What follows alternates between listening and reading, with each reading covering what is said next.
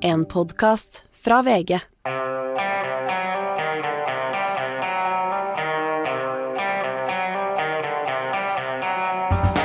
Ikke visste jeg at alle disse dagene som kom og gikk, de var selve uke 34. Ennå en uke er stett til hvile, Hanne. Ja, det går fort nå, Anders. Det gjør det, men det gjør alltid. Det Ja, jo, jo eldre du blir, jo fortere går det. Vi må bare erkjenne det, tror jeg. Vi må bare erkjenne det. Og så er det ikke noen sånn periode øh, av øh, hvor jeg føler at jeg sier nå syns jeg det går ganske sakte, øh, Hanne. Det er liksom Det går fort hele tida. Jeg hadde noen sakte dager i sommer, faktisk. Det var Ja, det hadde for så vidt jeg også, men da, da sitter jeg jo ikke her, så da får jeg ikke benyttet meg av å si sant. at uh, nå er det lenge siden sist. Men uh, i hvert fall for en uke siden så satt vi da uh, satt vi i Arendal. det var dagen etter partilederdebatten, og du og Hans Petter og Astrid hadde trillet terning og gitt sekser til eh, Jonas Gahr Støre, statsministeren, eh, annet fordi han var så tydelig i eh, Ukraina-spørsmålet. Sånne terninger kastes jo da på natten og under et visst eh, tidspress og sånne ting. Eh, vil du ha gitt ham det samme nå en uke seinere? Ja, definitivt. Ja, fordi? Fordi det var veldig viktig at han var så tydelig, og det var helt riktig dette han sa, om at dette handler mye om Putin, det er krig i Europa. Det å melde ut det alvoret i en debatt også om norske forhold, om norske energikrisa, det blir veldig feil. Og der var han modigere og tydeligere enn jeg har sett han, tror jeg, i hvert fall på veldig, veldig lenge. Og han svarte også helt klart når Solvang spurte, men dette kan jo bety 4000 mer for en vanlig familie, og Støre sa bare ja, sånn er det. Så han var eh, Hans evne til hardhet og ufølsomhet overfor eh, strømofrene var, eh, er det som har gitt ham sekseren. Nei, men du må snakke sant. Og det er klart at den i virkeligheten vi står oppe nå, det er ingen som har noe quick fix. Og de som later som de har det, de fører folk bak lyset. Og hvis da statsministeren sier hvordan det egentlig er, så mener jeg at det har det er, Egentlig er det opplagt at sånn bør det være, men eh, det er mange som har veket unna lenge, så jeg syns det var befriende å høre han omsider. For han har brukt litt tid på å komme dit. Så var ikke dere de eneste uh, som kasta denne sekseren. Jeg tror de gjorde det samme i nesten alle de, eller veldig mange av de store mediene. I hvert fall i, i Dagbladet, i eh, Dagens Næringsliv, i, i Vårt Land, tror jeg. Og Vårt Land, ja. Og i det hele tatt. Samtidig, fra hva skal du si, strømopposisjonen, så er det et litt sånn, hva skal du si, et litt sårt raseri, uh, hvor de påstår at man bruker eh, Ukraina-krisen og nærmest liksom sår tvil om at folk eh, støtter eh, Ukraina. Sier at det blir ikke eh, det blir ikke noe, Forholdene i Ukraina blir ikke noe bedre ved at folk betaler høye strømpriser i Norge. Nei, men det er jo ikke sånn at, at man ønsker at folk skal betale høye strømpriser. Eh, og det er åpenbart at selv om det, energikrisen er mye mer sammensatt enn bare Ukraina eh, For det fikk kanskje ikke Støre helt fram i debatten, eller den? Nei, det var mange nyanser som ikke kom frem i denne debatten. Det er klart at strøm er veldig veldig komplekst. Men det er klart det er sammensatt bl.a. dette at Tyskland har skrudd ned veldig mange av sine atomkraftverk, spiller inn osv. Men det at det ble Tørke. Tørke, eh, klima, alle disse tingene. Men det at det er blitt krig, og at Russland og Putin bruker gassen, skrur av og på den og skrur den ned for å plage Europa, at det har vært utløsende for det nivået vi har nå, er ikke tvil om. Og det er bare ett av mange utslag av denne geopolitiske katastrofen som, som angrepet på Ukraina, krigen mot Ukraina fra Russlands side, ehm, eh, har, har avstedkommet. Uh, det er nå, denne uka var det et halvt år siden eh, angrepene startet. Ukraina har hatt uh, nasjonaldag, og vi har tenkt å bruke hele denne episoden egentlig til, til å snakke om det. Og da er ukas gjest eh, hyggelig å kunne ønske velkommen til Nora Torp Bjørnstad. Velkommen. Tusen hjertelig takk. Eh, Du er altså mangeårig utenriksreporter eh, og, og tidligere også korrespondent eh, i, i VG fra, fra vel både Berlin og Paris. Og så kjenner du Russland godt og snakker russisk og har dekket mye russiske forhold. Ja, det har jeg vært heldig å få gjøre. Og så var du rett og slett i Ukraina nå eh, sist rett før eh, krigen starta i vinter. Og hvordan, altså Vi har jo diskutert mye her, det har vært mye sånn hvem som skjønte og hvem som ikke skjønte. Hvordan opplevde man det i Ukraina på den tiden? Trodde man at det kom et angrep, eller eh, skjøv man det liksom mm, til side? Altså, vi eh, traff jo mennesker som eh, Altså, alt fra småbarnsfamilier som hadde laga liksom backup-planen for hvor de skulle gjøre av ungene sine, siden de begge hadde verva seg til Heimevernet. Eh, vi var og møtte Forsvaret i, i Harkiv, eh, der hvor de hadde en treningsleir, og vi møtte liksom folk som hadde droppa lysende kunstner- og skuespillerkarriere for å verve seg også. Og lagde jo de her sakene som handla om at eh, nå var de klar for uansett hva de skulle møte, men eh, ja.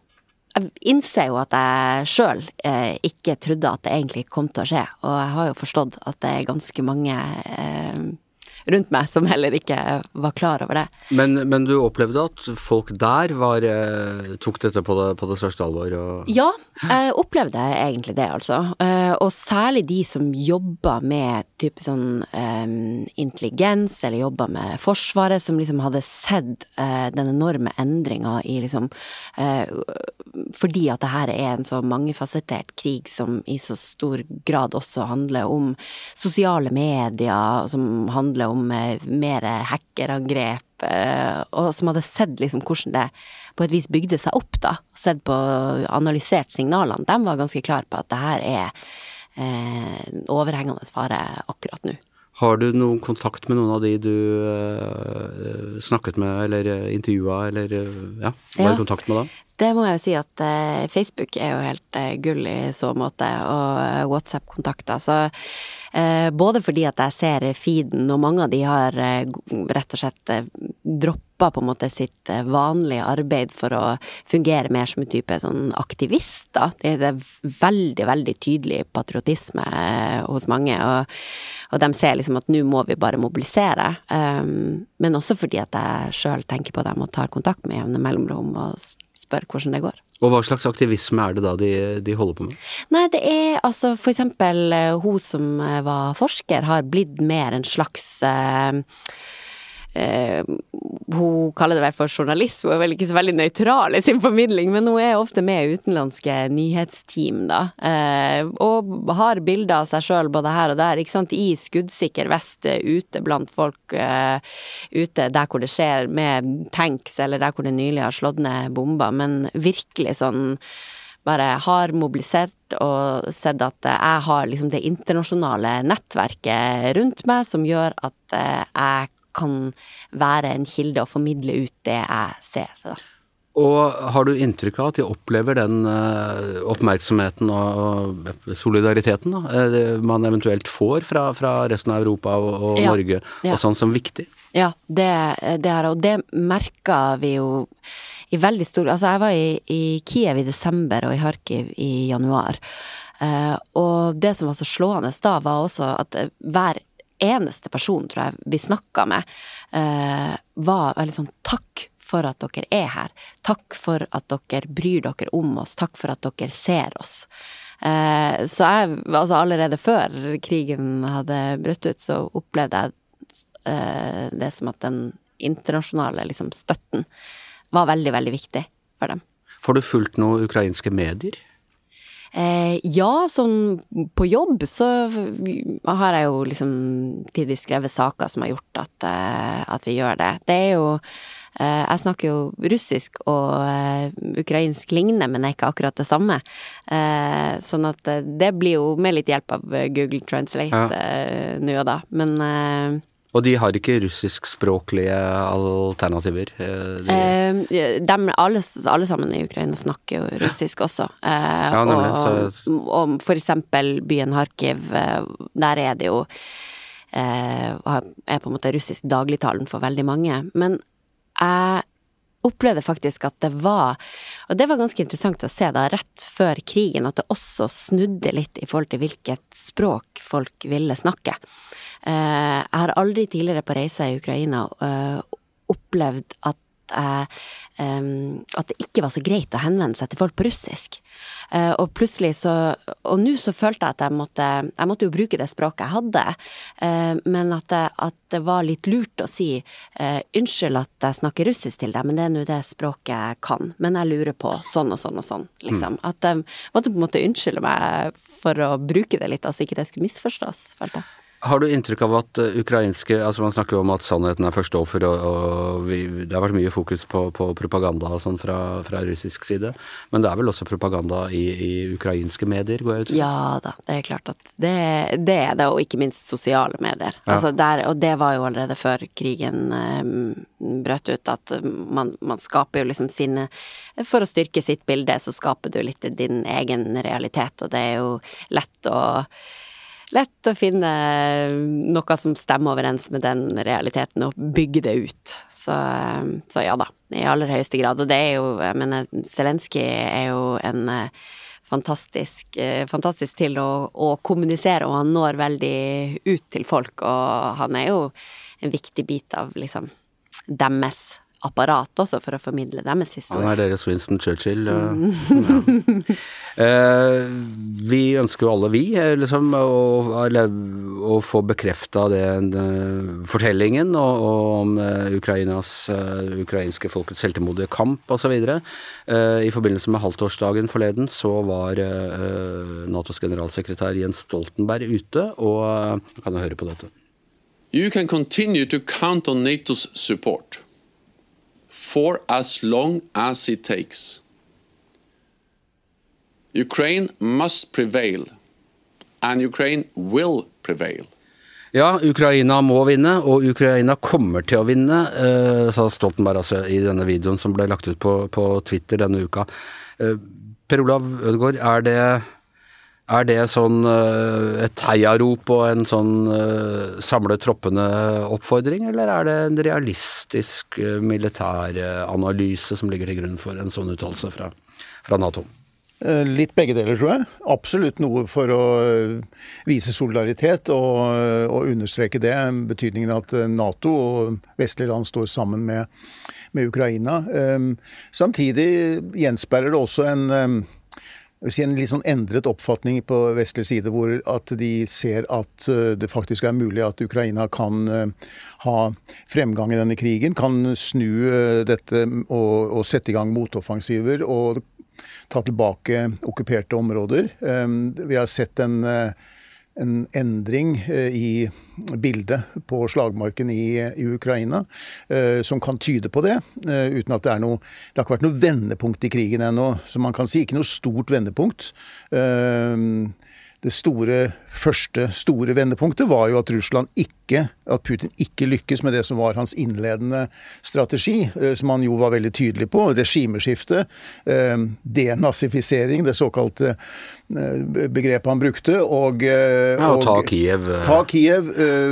Enten at regjeringen skulle flykte, eller at de skulle da pågripes eller føres bort av russiske soldater, eller og, og, da liksom ta over kontrollen, sette inn en, en marionettregjering i Kiev. Det var jo åpenbart planen. Eh, og det lykkes ikke. Eh, og det var et spektakulær fiasko da, for, for, Russland i den innledende fasen av krigen.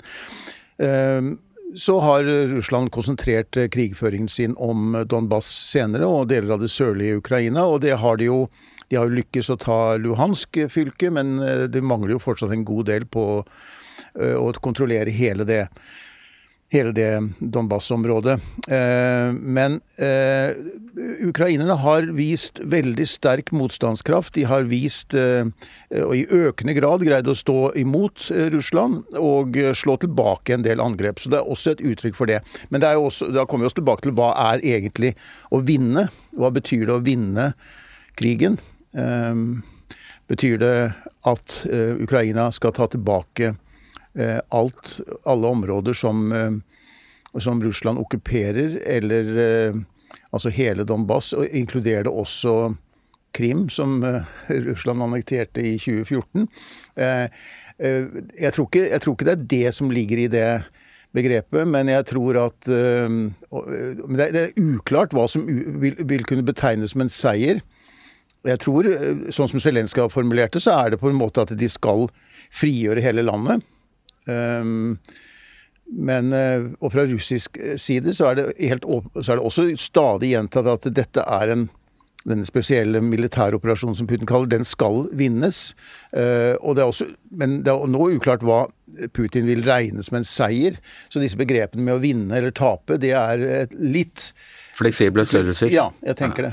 Uh, denne uka så så vi jo at, eller slutten av forrige uke så så vi jo altså at Eh, et attentat antagelig rettet mot uh, han de har kalt for Putins hjerne, uh, Dugin. Som er, liksom, står for hele den der ideologien om den russiske storhet som må gjenreises og, og uh, gjør Russland stort igjen. I Moskva ble detonert en, en, bilbombe, en bil han egentlig skulle sittet i, og som, og som drepte datteren hans. Russerne mener at de har oppklart saken raskere enn de vanligvis pleier å oppklare attentater. Og at dette, da, at dette var en ukrainsk operasjon. Uh, ukrainerne har vel nektet for at de står bak. Hva vet vi om denne saken her nå? Ja, det, vi, det, vi, med sikkerhet vet, er at, at, Ukraina sier de ikke har noe med det å gjøre, også offisielt. Og Men at, at, eh, hadde ikke det vært en bra sak for Ukraina, hvis vi kan, vi kan treffe dem inn i hjertet av Moskva, eller om ikke hjertet, i utkanten av Moskva? da? Eh, dette viser vår suverene både etterretningsevne og, og, evne til å slå tilbake. Ukraina har uttrykket seg ganske tvetydig når det gjelder disse mange av disse angrepene, bombene, eksplosjonene som har funnet sted på russisk territorium. Enten det har vært på Krim eller i grenseområdene. Det har vært en rekke sånne sånn, sabotasje, eh, eh, muligens droneangrep. altså Det har vært en rekke eh, ting som har skjedd. og Ukrainerne har alltid uttrykt seg litt sånn tvetydig om dette. Og jeg tror det har vært en helt bevisst strategi. For det er litt i strid med konvensjonelle regler for krigføring og sånn? Ja, og, og, de vil bare skape usikkerhet og, om hva de er i stand til å kunne gjøre, tenker jeg. Eh, og, men når det gjelder akkurat dette attentatet i Moskva, så har de vært veldig tydelige på at det ikke er noe de står bak, og at ikke de driver med det. Men hvem andre skulle ha interesse av dette? Det er uh, flere teorier her. Uh, det kan være en falsk flaggoperasjon, altså noe som er iscenesatt. Det er én teori. Det kan også være en grupper som ikke er eh, på oppdrag fra den ukrainske regjeringen eller enkeltpersoner som har klart å utføre dette. som er, eh, Det kan være, det har vært også fremmet at det er eh, interne motstandere av Putin. Noen har den teorien. Alle disse tingene har jo vært udokumenterte, på samme måte som den offisielle russiske forklaringen. Og jeg blir alltid veldig skeptisk når de oppklarer en sånn sak på 24 timer. Det har jeg ingen tro på. Nei, for det er ikke klart å finne ut hvem som har stått bak alle disse giftangrepene mot uh, opposisjonen? Nei, altså. men det var en russlandskjenner som jeg nå ikke som jeg leste, som har, jeg husker ikke navnet på vedkommende akkurat for øyeblikket, men hun sa dette at ideologer, og Dugin er jo en ideolog, en filosof, ideolog, nasjonalist, uh, ultranasjonalist. De, ideologer kan være veldig nyttige, men de kan også bli farlige. Og det har vært nyttig i den forstand at det har vært med å begrunne altså den ideologien som Dugin har stått for, har vært med på å begrunne Eh, Russlands eh, angrepskrig i Ukraina eh, og annekteringen av Krim og alt dette.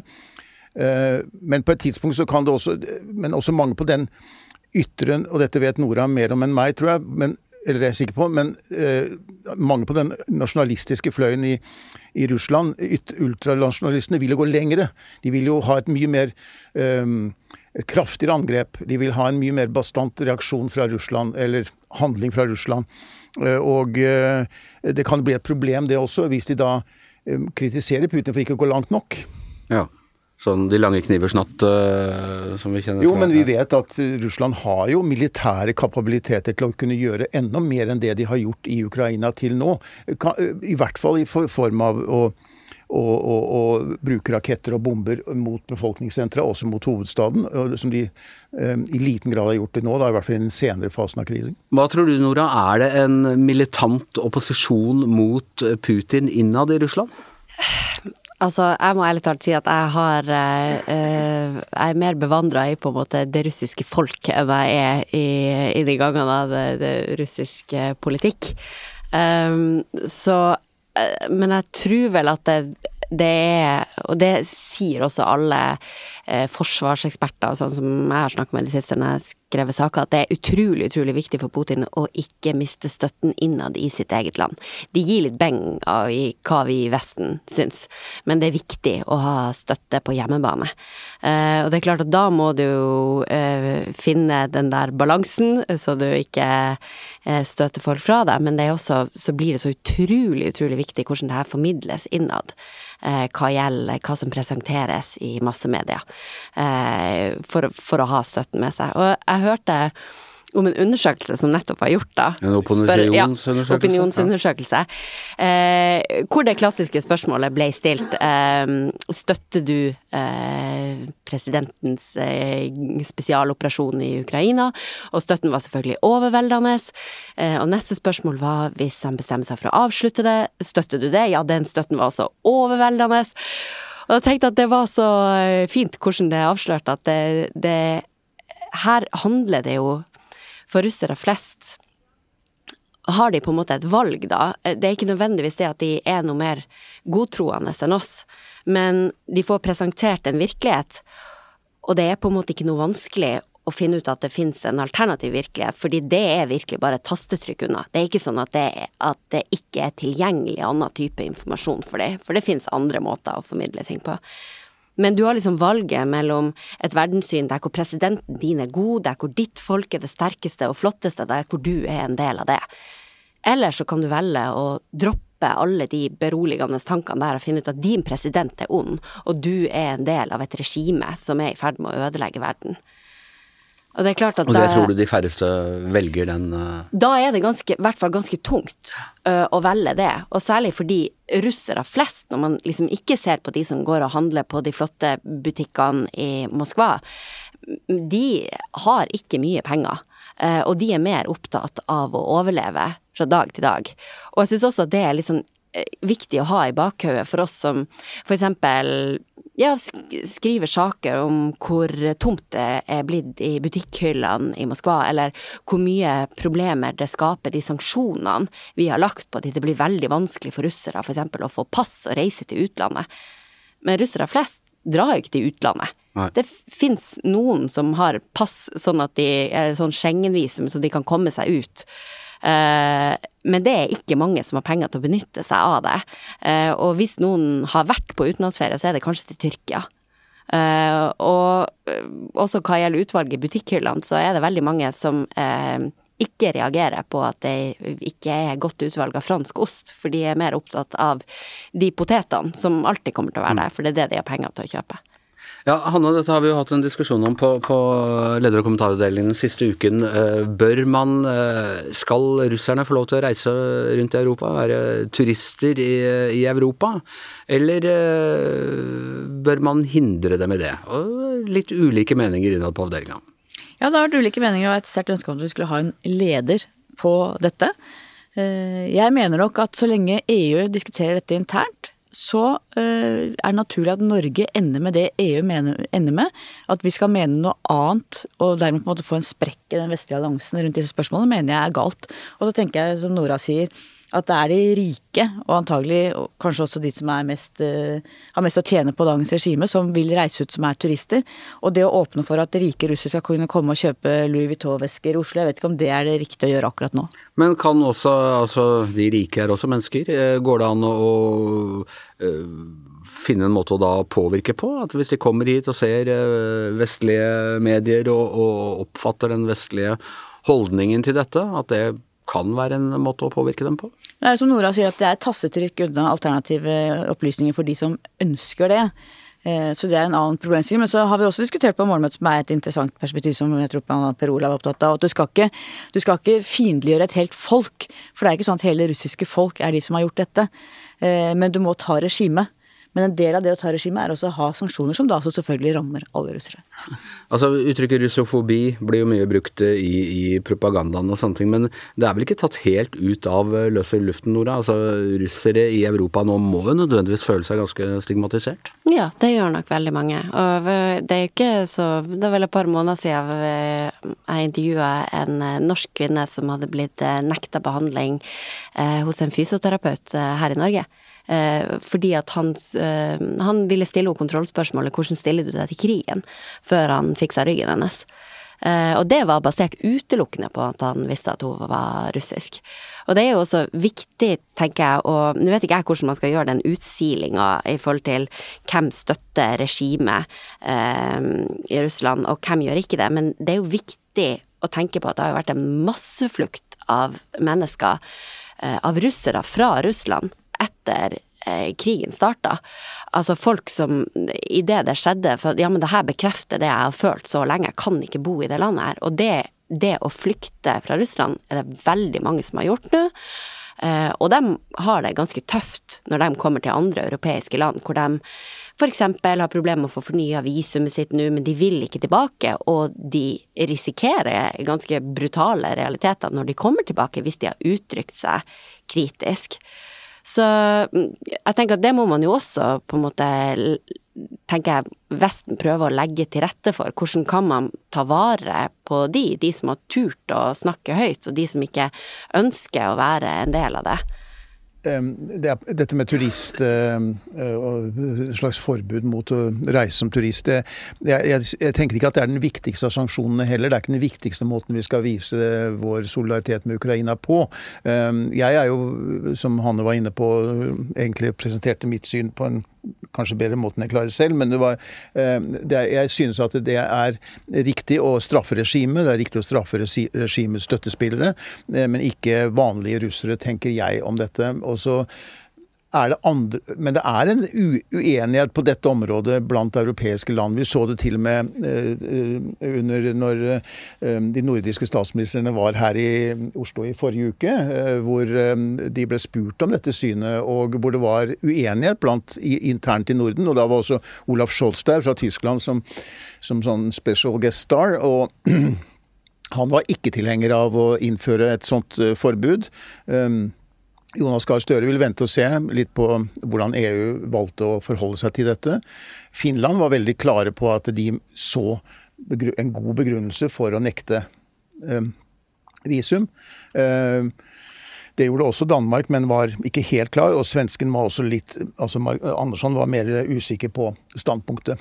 Altså, En av de eh, tingene Snakk om alt med, med, med russofobi og, og, krigspropaganda, hvor man da demoniserer eh, motstanderen. For noen uker siden så, så eh, begynte det å oppstå påstander, kom det påstander om at uh, russerne uh, kidnappet uh, ukrainske barn og, og tvangsadopterte dem bort. og det da tenkte jeg, og da var min innskytelse, at dette er klassisk så en måte man eh, demoniserer fienden på, at de stjeler barna våre. Det er liksom ja, det er, helt, det er en av urgreiene i antisemittismen og, og, og, sånn.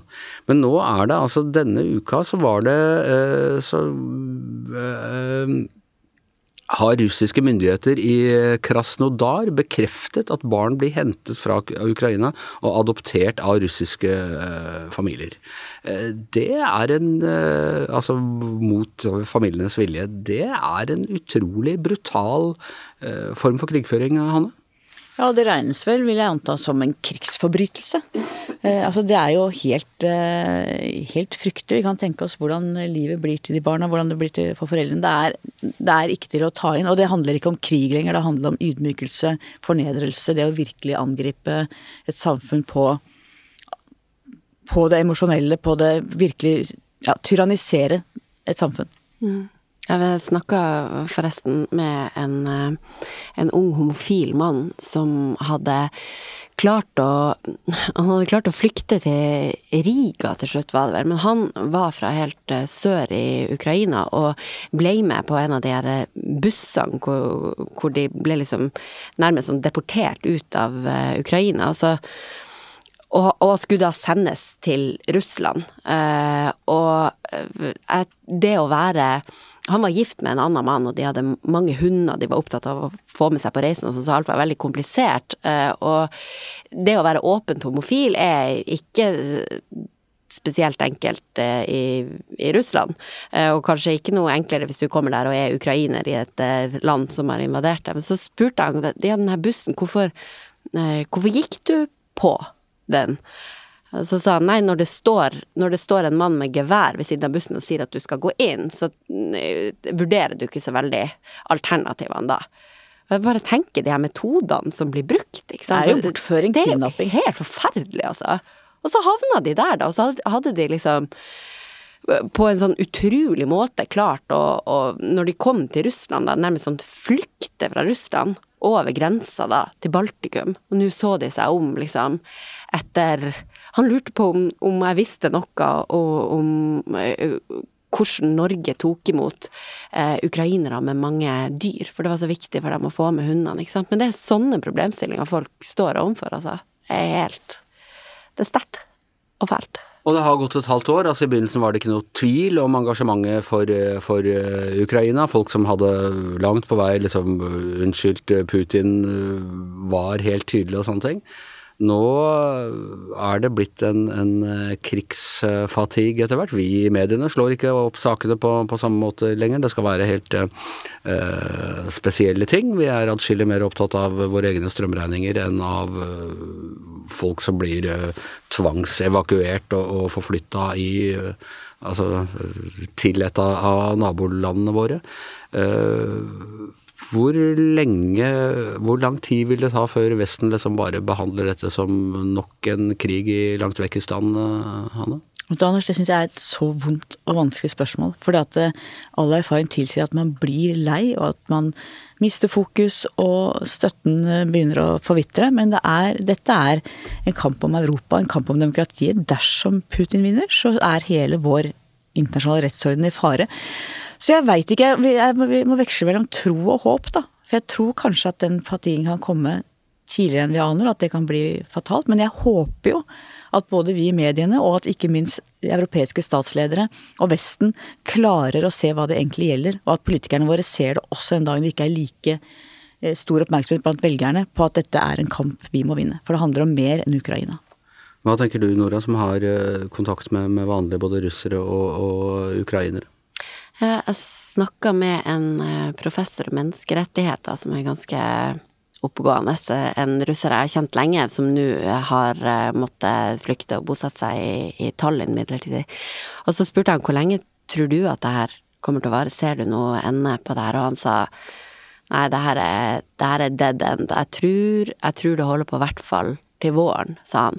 Men han mente at det var verdt å merke seg at det skal Altså, eh, det som jeg nevnte i stad, hvor, hvor, viktig det liksom er for Putin å ha støtte på hjemmebane, så er det Så skal det være valg eh, i Russland, som riktignok er som på eh, regionale guvernører, men det vil jo også avspeile litt, da, i den grad man kan tro på noen som helst måte at det valget foregår på rett vis, og at det er grunn til å stole på valgresultater, men det vil jo kanskje gi en pekepinn på hvor stor støtte partiet til Putin har, da.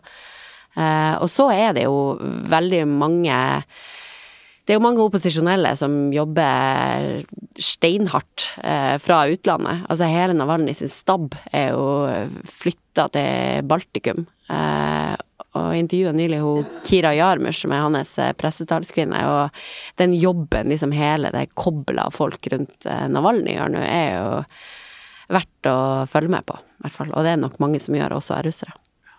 Hva tenker du er tidsperspektivet? Altså, vi så jo Per Olav med, med Vi husker jo liksom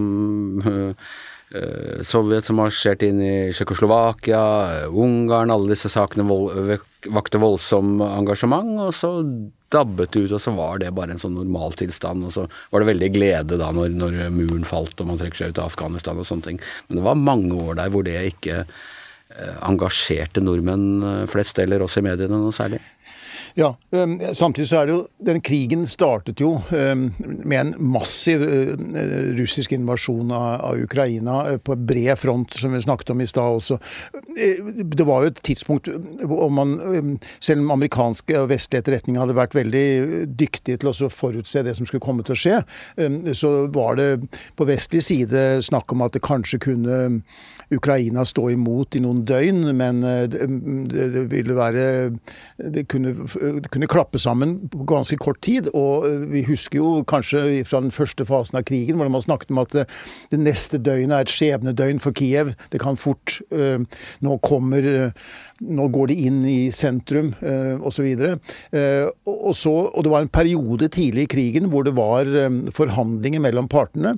Uh, hvor også Zelenskyj strakk seg ganske langt i retning av å si at uh, vi kan gi, uh, gi, garantier for at uh, Ukraina skal være et nøytralt land. vi kan diskutere det meste her. Vi kan snakke om status for disse opprørs såkalte republikkene da, i øst. det var Tyrkia bl.a. med som en megler der. Etter disse Etter at det, disse krigsforbrytelsene som ble avdekket i Butsja, ble kjent, og når Russland måtte, de russiske styrkene måtte trekke seg ut fra forstedene og byene på veien inn mot Kiev, så var det helt slutt på de forhandlingene. Og du ser også nå fra Ukrains side, så er, det, er de veldig mye tydeligere på at dette eh, forhandlinger er ikke aktuelt nå. Det sier også russerne. Forhandlinger er ikke aktuelt. Eh, så det er ingen forhandlings... Det er ikke noe diplomatisk spor for øyeblikket, i hvert fall. Eh, begge parter eh, vil fortsette krigen. Jeg tror man går inn i en Det mest sannsynlige er jo at det vil bli en sånn utmattelseskrig i hovedsakelig da i det østlige, sørlige Ukraina, hvor ikke fronten vil flytte seg så veldig mye. Men det er en blodig konflikt der nå. Det er jo, det er jo daglig eh, ofre eh, som meldes inn der. Det er store tap eh, på begge sider. Eh, men at det vil være på det nivået der. Og så er det en, også en risiko selvfølgelig for at konflikten kan bli enda større og kan involvere eh, ja, eh, andre land, og, og, at det blir en mye mer dramatisk situasjon enn det er i dag. Men jeg tror man må forberede seg på at krigen blir langvarig.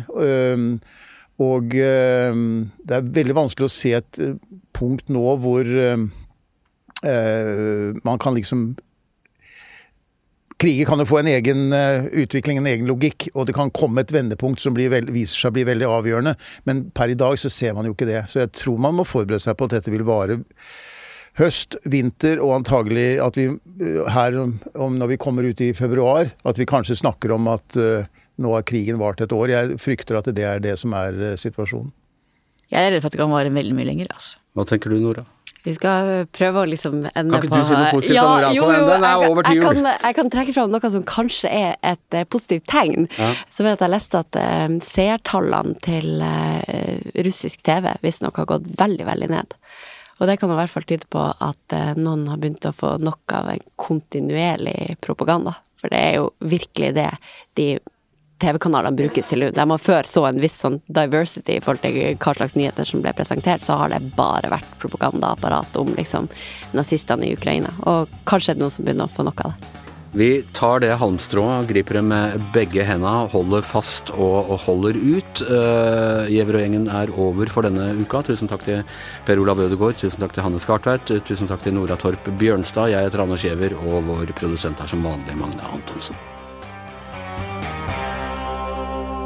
Du har hørt en podkast fra VG.